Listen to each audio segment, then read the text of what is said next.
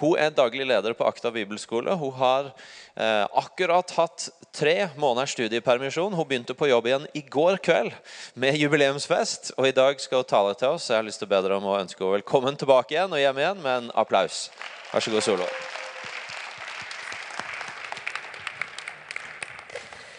Tusen takk. Eh, jeg har vært vekk i tre måneder og har fysisk vært vekk òg. Jeg har ute og reist. Eh, og jeg har opplevd så masse og sett så masse og erfart så masse og hatt en kontrastfylt reise, vil jeg si. Eh, men det er ufattelig deilig å være hjemme igjen. Og jeg er nok utrolig takknemlig og har vært det gjennom hele denne reisa at det er akkurat her jeg hører til. Eh, og at jeg skal få lov til å komme tilbake til denne menigheten. Eh, og jeg tenkte nå når vi sang lovsang at jeg er så utrolig takknemlig for lovsangerne våre i denne menigheten, som hver eneste søndag eh, synger ut sannheten om hvem Gud er, og som hjelper oss til å synge ut sannhetene eh, for livene våre. Eh, så tusen takk. Kan vi ikke klappe for de?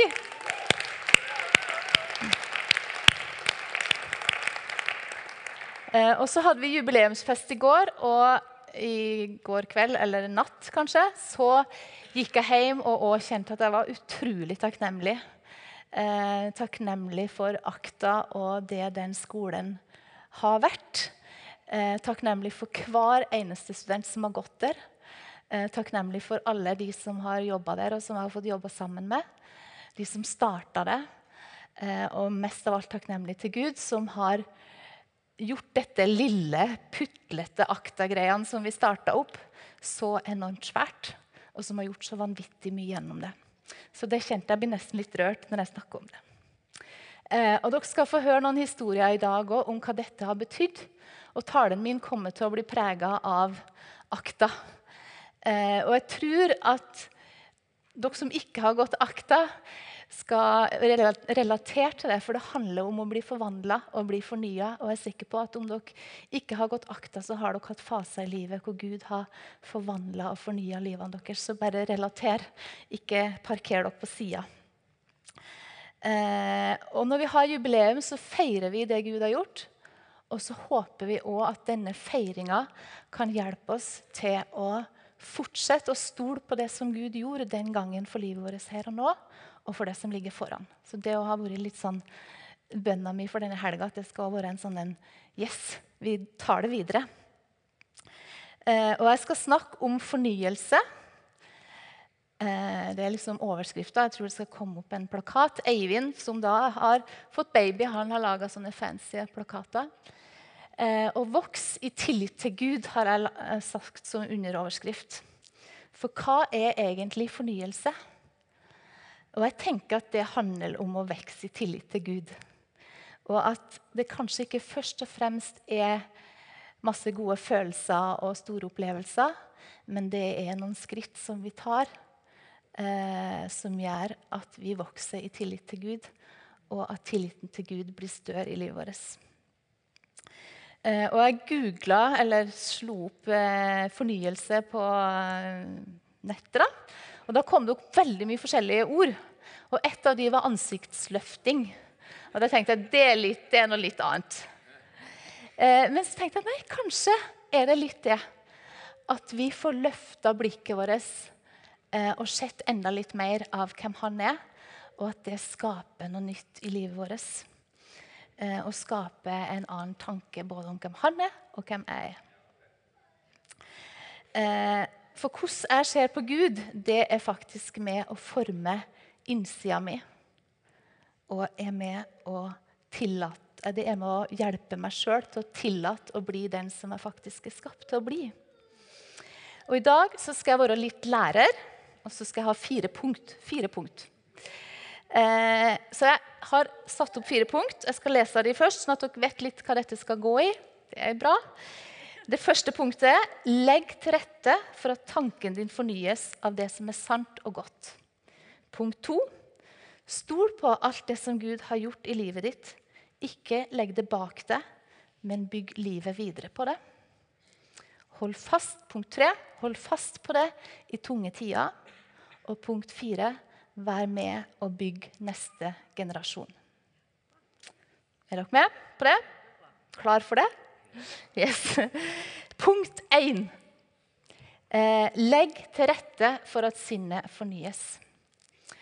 Og da må vi helt nødt starte med Romerne 12,1. Det er et vers som jeg tror dere kjenner. Der står det Skikk dere ikke lik med denne verden, men bli forvandla ved at sinnet fornyes, så dere kan dømme om hva som er Guds vilje, det gode, det som Han har behag i, det fullkomne. Og Her står det faktisk at vi skal bli forvandla.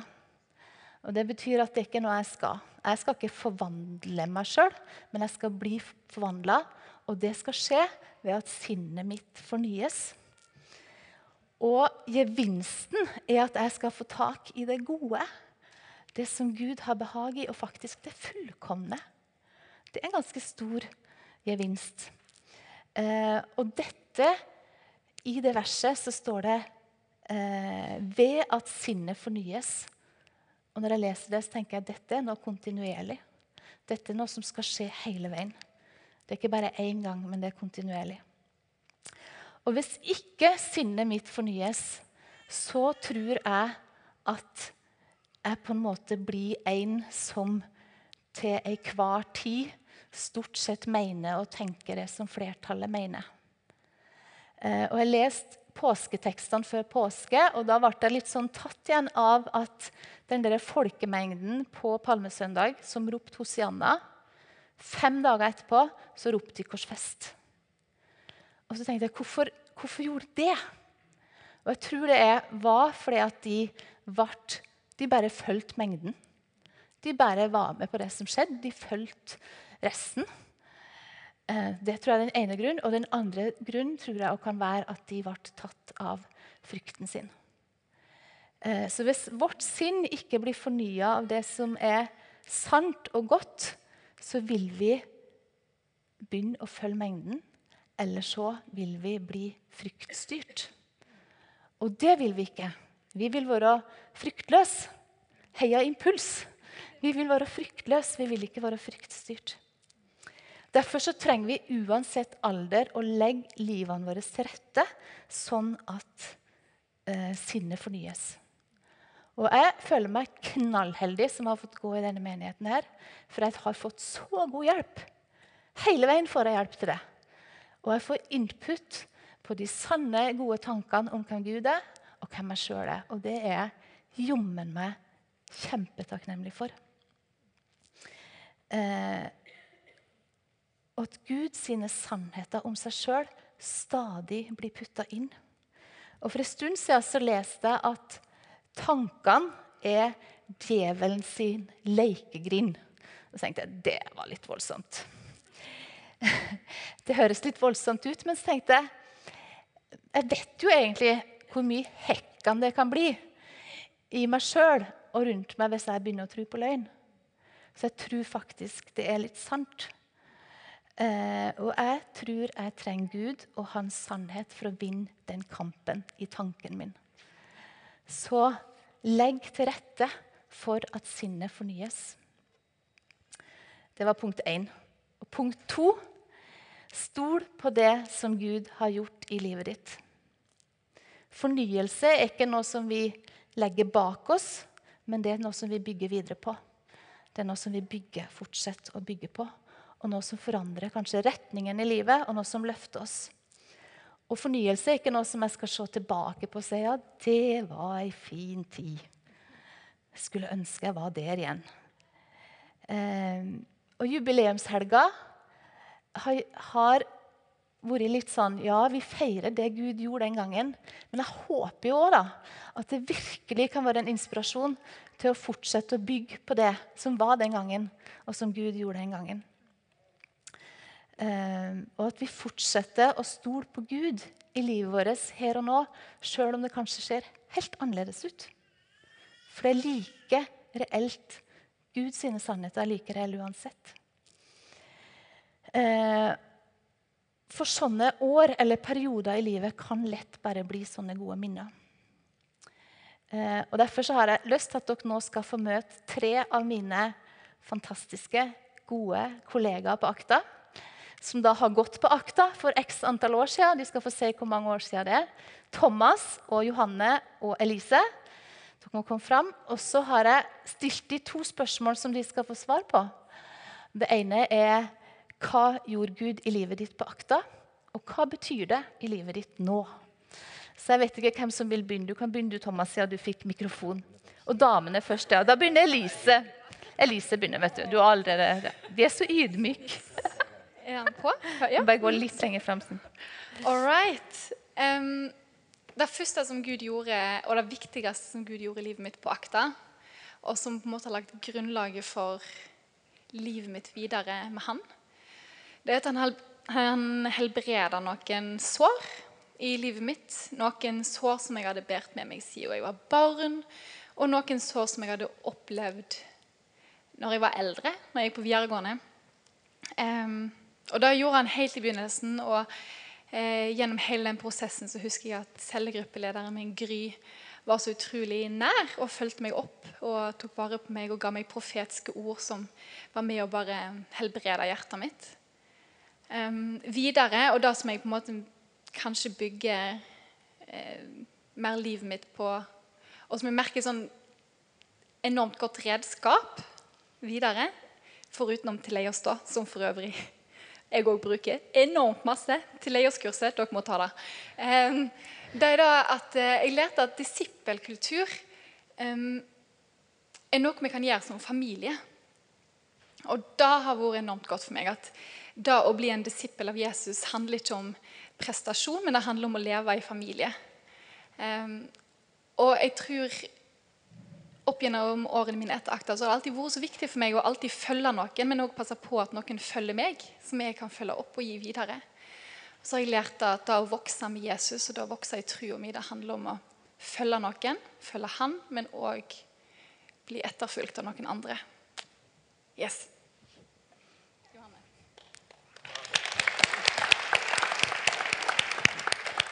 Jeg må ha en liten jukselapp, ja, for det, er så mange år siden jeg gikk akta, så jeg må, jeg må ha lov å jukse litt. Eh, Jeg kom til akta i 1995. Det var sikkert mange av dere som ikke var født engang. Eh, I hvert fall noen av dere.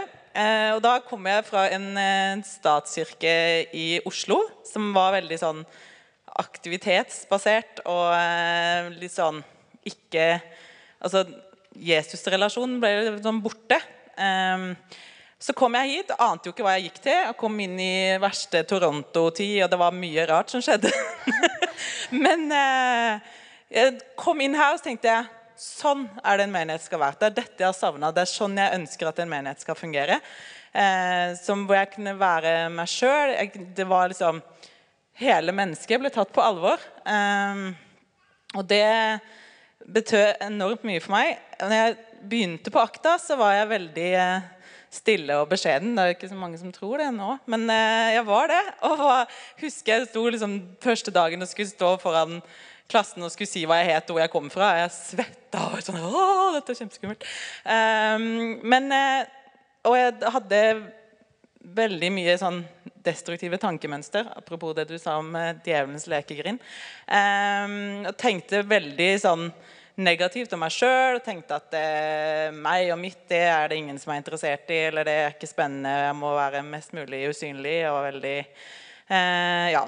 Eh, og så fikk jeg gjennom det året på Akta jobba med en del av de tankene og eh, til Leios og gikk til veiledning hos Anne Ingel og Irene og snakka med masse vise mennesker som hjalp meg å rydde litt. Og, eh, og jeg ble gjennom det mye tryggere på meg sjøl. Og eh, det å få være en del av en sånn menighet som heier på deg, og som ser potensialet ditt om eh, å få ja, være en del av en familie, da.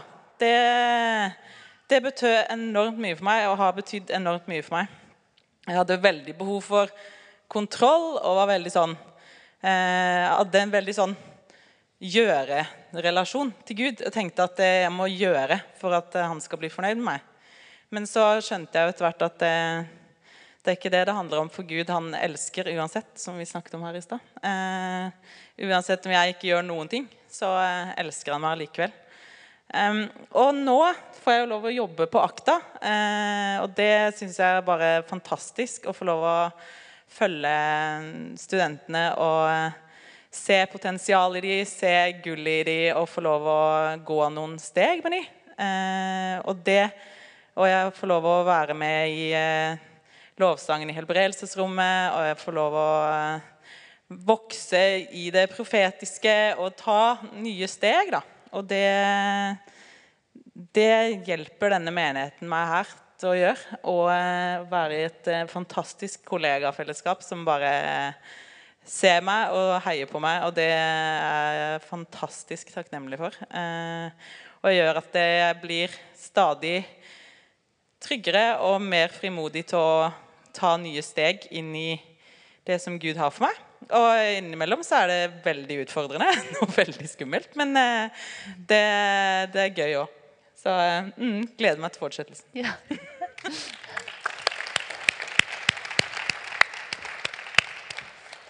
Godt å ha deg hjemme igjen. Em, jeg ble eh, kristen for eh, snart 20 år siden. Etter et år eh, senere så håper jeg verva jeg meg. Jeg begynte på akta. Em, en av de Og i, at jeg ble kristen, så ble det viktig for meg å ta et oppgjør med meg sjøl. og ta et oppgjør med de tingene som hadde ja, hadde opplevdes urettferdig. Det hadde vært urett eh, mot meg. Og noe av det som var eh, veldig stort for meg, eh, var eh, dette med at jeg gikk mye gjennom ungdomstiden min og følte meg ikke sett. I den grad jeg eh, eh, følte meg sett, så handla det om at jeg ja, kanskje var en brikke i et spill, eller jeg har sett i den forstand at jeg var en ressurs i andre sine ambisjoner. Skjønner dere hva jeg mener? Og så for meg var det viktig å ta et oppgjør med det. Og, og, og, og ta et oppgjør med dette handla for meg på den tiden å, glemme fortida mi. Og så merka jeg at eh, det dette resulterte i, var at jeg egentlig bare utvikla et sånn instinkt for at ingen skal fortelle meg at sånn skal jeg leve livet mitt. Eh, Og, det har jo selvfølgelig, eh, det har selvfølgelig positive element. ikke sant? Eh, og stå for seg sjøl osv. Men det har òg en, en ganske stor skyggeside som handler om at du, du begynner kanskje å gjøre valg sant? mer på trass enn at dette handler om det er bra eller ikke. ikke sant?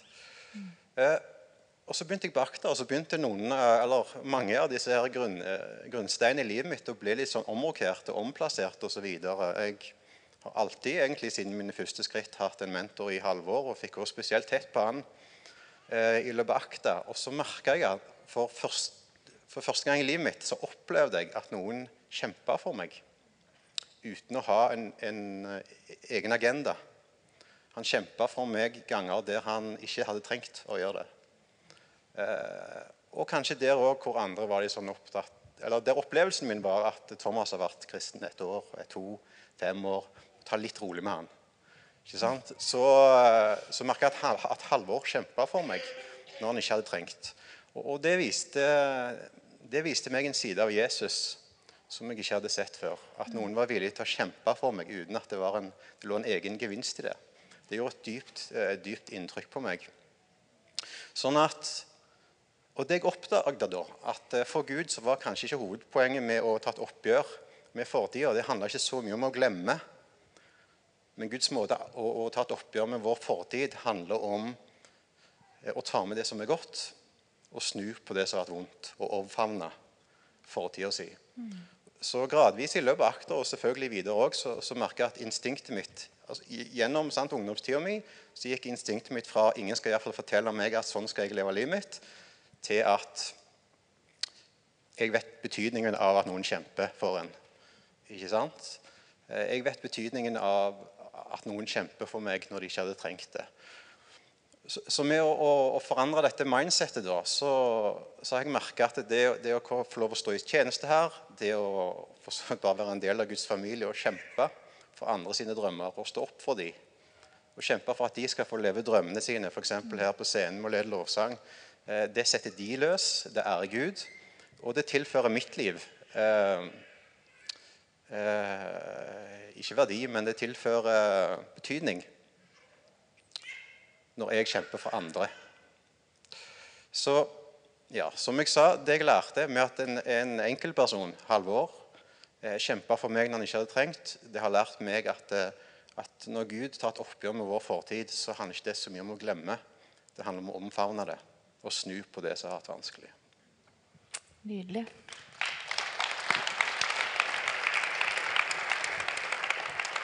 Takk skal dere ha. Dette er nydelige historier.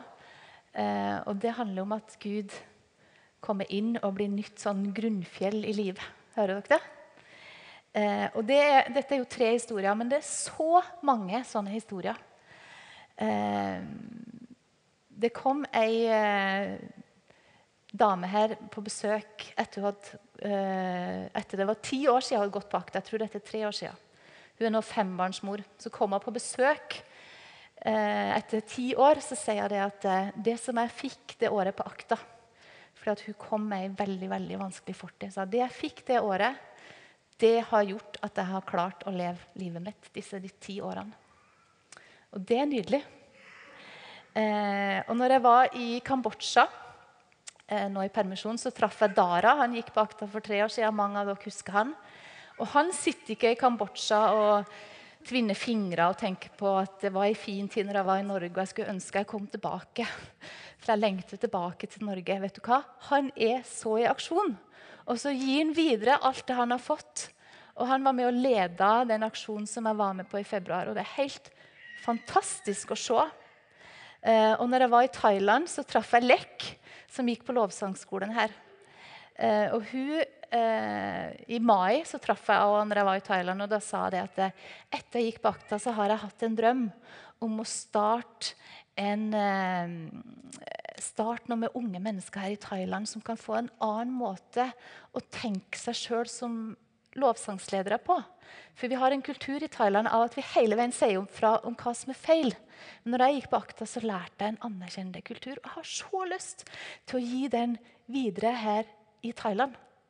Så snakka vi litt sammen. Ja, men det kan du gjøre. Det må du gjøre, liksom. Så kom jeg tilbake nå, bare noen få måneder senere, senere så har hun starta sammen med noen av de jentene som har vært i Aktahuset, og TCN-staben. Så samler hun alle ungene og ungdommene i et helt nabolag. Og så har hun musikkundervisning, instrumentundervisning. Og så skaper hun ny kultur med disse her. At de skal lære den anerkjennelsen. Og det er så nydelig. Eh, og vi har IMI Arendal og vi har IMI Oslo. Og det er ingenting av disse eh, tingene som har blitt noe av hvis de har parkert. Men folk har tatt det de fikk, og tatt det videre inn i livet sitt. Og så har de bygd livet på det, og så har de våga drømmene sine. Eh, og så kan det hende at noen tenker ja, men jeg har noen andre erfaringer i livet som på en måte har viska det litt ut eh, som ikke har gjort at jeg på en måte har tatt det videre. Eh, men det går faktisk ikke an å viske det ut, sjøl om det følelsesmessig oppleves sånn. Eh, det er et vers som står i Forkynnerne 3,14. Der står det Jeg skjønte at alt Gud gjør, står gjennom alle tider. Jeg skjønte at alt Gud gjør, står gjennom alle tider. Og vi vet det, at det Gud gjorde gjennom Jesus på korset, det står til alle tider. Og det Gud gjorde gjennom Paulus, det står til alle tider. Og det Gud gjorde og gjør gjennom Egil Elling Ellingsen, det vil stå til alle tider. Og det Gud har gjort og gjør og kommer til å gjøre gjennom det, det kommer til å stå til alle tider. Det Gud gjør, det kan ingen gjøre ugjort. Så det må vi holde fast på. Og så kan det hende vi tenker ja, Gud gjorde jo mye det året, men det var jo et veldig annerledes år. Det var jo et år i bobla. Og det er det jo. Det er jo sant, men inni en sånn tanke så ligger det òg mye løgn. Eh, som er egentlig veldig farlig. For det året som du kanskje ble aller mest kjent med Gud, der tror jeg han fikk knust noen vrangforestillinger både om seg sjøl og om deg. Og det året tror jeg han tror jeg kanskje at du var aller mest den du er skapt til å være. Og at du ble satt fri til å være den du er. Eh, og Marit, som gikk på lovsangskolen for noen år siden, hun skrev en sang som handla om det å komme hjem. Og hun kom til akta i en fase hvor hun var litt, det var litt håpløst. Så møtte hun ting i livet sitt, og så skrev hun sangen hjem. Og der står det I din nærhet er jeg, i min hensikt, helt meg selv. I deg har jeg funnet hjem. Så kanskje er det ikke sannheten at det året du ble fornya, enten det var på Akta eller det var en annen plass, er det året du var i bobla, men det er det året du var aller mest deg sjøl. Du var aller mest i din hensikt, og det var året, det året du fant hjem.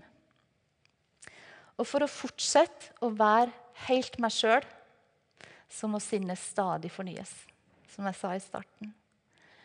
Og så må jeg være i nærheten av Han som har designa meg. Så stol på det Gud har gjort i livet ditt. Ikke legg det bak deg, men bygg livet videre på det. Punkt tre.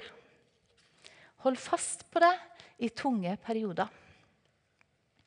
Hva skjer når det jeg drømte om, ikke blir, eller når tjenesten min blir erstatta med sykdom, eller den jeg drømte sammen med, gikk en helt annen vei?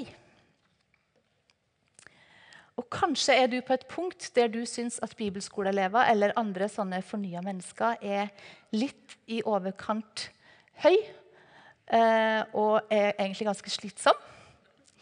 Eh, og at det ser litt slitsomt ut. Eh, og det er slitsomt hvis en må dra seg sjøl opp til det. Men Gud er i hvert fall ikke en gud som har humørsvingninger. Han er ankeret i livet. Eh, og å oppdage det, at vi kan stole på det ankeret uansett, det gir faktisk både glede og frihet. Og Sara Lise, som sang her rett før talen, hun har skrevet en helt nydelig sang om dette ankeret. Og når Sara Elise kom til akta, så var hun syk. Hun har vært det lenge. Hun hadde ME, og hun hadde vært veldig syk. Og hun hadde nesten gitt opp eh, tanken på at hun kunne bidra med noe som helst. Hun er helt fantastisk, hun har masse talenter, masse gaver. Men i hennes tanke så hadde hun begynt å tenke at nei, jeg får bare parkere alt sammen. Fordi at jeg er så sjuk og har vært det så lenge. Eh, og så fant hun et nytt anker, et nytt hvilested gjennom året. Eh, og så fant hun rikdommen i livet tilbake, og så våga hun å begynne å ta i bruk seg sjøl. Sjøl om hun fortsatt var syk. Og så skrev hun denne sangen som dere har hørt mange ganger, men jeg skal bare lese litt av den. Du er mitt anker, og mitt hjerte vet. Du står alltid fast, Jesus. Det finnes ingen storm som kan skille meg fra din kjærlighet for meg. I din nærhet hviler jeg. Kom, la din fred omgi meg. Hos deg har jeg funnet håp. Du er håpet jeg klamrer meg til. Midt i stormen hviler jeg trygt hos deg. Du er den som verner meg. Gud er en helbredende Gud. Og det han kanskje lengter aller mest etter å helbrede, det er våre vrangforestillinger og misoppfatninger om hvem han er, og hvem vi sjøl er, som hindrer oss i å leve ut det livet og det potensialet som han har lagt ned i oss. Og sorgen og sykdommen og tapene de kan parkere oss. Men det kan òg bli en kraft. Og hvordan i all verden kan det det? Kanskje ved at jeg må omdefinere hvor jeg setter håpet mitt hen, eller hvor jeg setter tilliten min hen. Eh, for når vi mister håpet, så stopper vi opp. Og tap og smerte er alltid en del av livet. Men å ha håp inn i det, det tar oss videre. Å holde fast på håpet, det hindrer oss i å stagnere eller parkere eller å gi opp. Og egentlig så er Bibelens budskap alltid et budskap inn i tap eller inn i smerte. Fordi at det er en del av livet. Det er en del av det å være menneske. Og Beethoven, Ludvig van Beethoven, han er jo en av de mest berømte komponistene vi har. Han skrev musikk, og han spilte musikk. Og midt i at han holdt på med det, så ble han døv. Han mista hørselen. Og da tenker jeg, da er det ganske naturlig å parkere. Hvis du lever av musikk og spiller musikk. Eh, men de som har peiling på det, de sier at de aller vakreste eh, verkene hans de skrev han etter at han var døv. Og det syns jeg er ganske utrolig og ganske kult. Og så har vi hørt veldig mange ganger at livet sammenlignes med årstida og sesonger. Og at eh, vinteren er viktig, for da eh, blir røttene dypere, og vi forbereder oss til å bære mer frukt. Og vi må gjennom en hard vinter, og så vil det komme en ny sommer osv. Sant? Vi har hørt det? Eh, og så har jeg tenkt, Men i naturen så skjer jo dette ganske synkront. Når det er vår, så er det vår. Da detter bladene av alle trærne. Og så er det sommer, sant? da er det sommer. Og så er det høst. Litt sånn I Stavanger er det jo mest høst, men det er en annen sak. Eh, men det skjer ganske synkront. Men med oss mennesker så gjør det jo ikke det. Det er jo sånn at Noen har liksom full sommer, mens andre har en lang vinter. Og Det er jo ganske irriterende. Det er nesten like irriterende som at folk i permisjon driver og sender sånne sol- og strandbilder når det er kuling og eh, storm i Norge. Um, og det hadde vært mye enklere hvis, hvis, Gud hadde gjort det sånn at, dette, at vi fulgte hverandre. på en måte, sant? Uh, og så uh, er det jo sånn at det virker nesten sånn at noen personer er vintergrønn. De er på en måte grønn hele året. Eh, og ut forbi huset mitt på Sunde så har jeg planta ganske mye sånn vintergrønn hekk. Og det er jo fordi at jeg syns det er fint at det er litt grønt hele året. Og jeg setter pris på den vintergrønne hekken. Og jeg har tenkt kanskje skal vi begynne å sette litt mer pris på de vintergrønne menneskene. For jeg tror vi trenger de. Vi trenger de som holder håpet når vi har vinter. Og som som er sånne håpsperrer som nesten ser ut som de er skapt til det uansett. Eh, og at vi skal begynne å verdsette dem. Eh, for vi trenger faktisk, når det er vinter, at det er noen som bærer sommeren og viser at det er håp om sommer. Eh, og som faktisk kjenner på kroppen at det er sommer. Sjøl om for mitt vedkommende så er det vinter akkurat nå. Eh, og jeg har ei venninne som for noen år siden mista flere av de hun var glad i.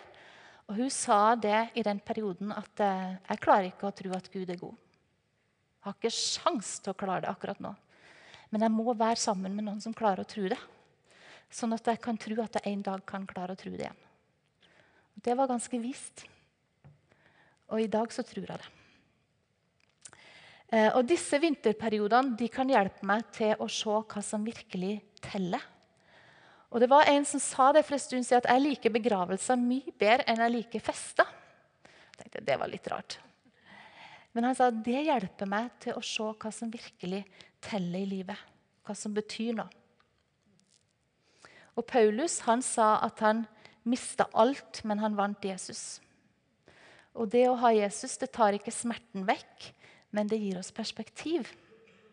Og smerten kan bli ei kraft når vi gjennom den virkelig får øye på hva det er som egentlig betyr noe. Så hold fast.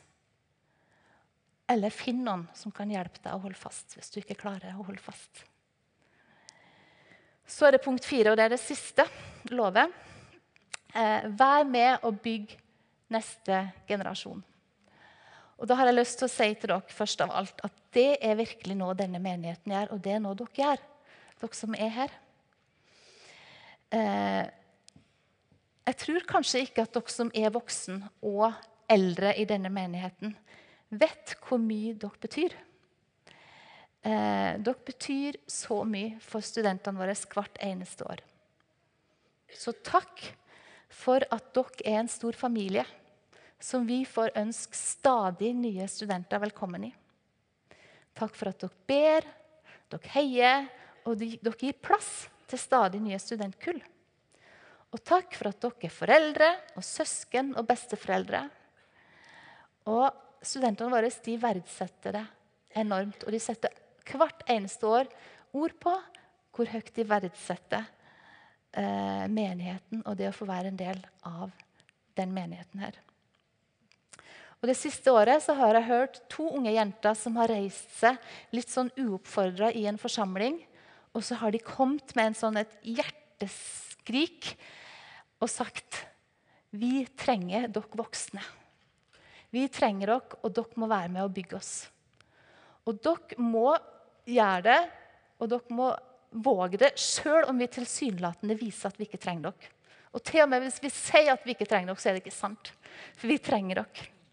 Så jeg tenkte at det måtte være en sånn reminder i dag, og at eh, de unge de virkelig vil ha en voksengenerasjon som er med å bygge.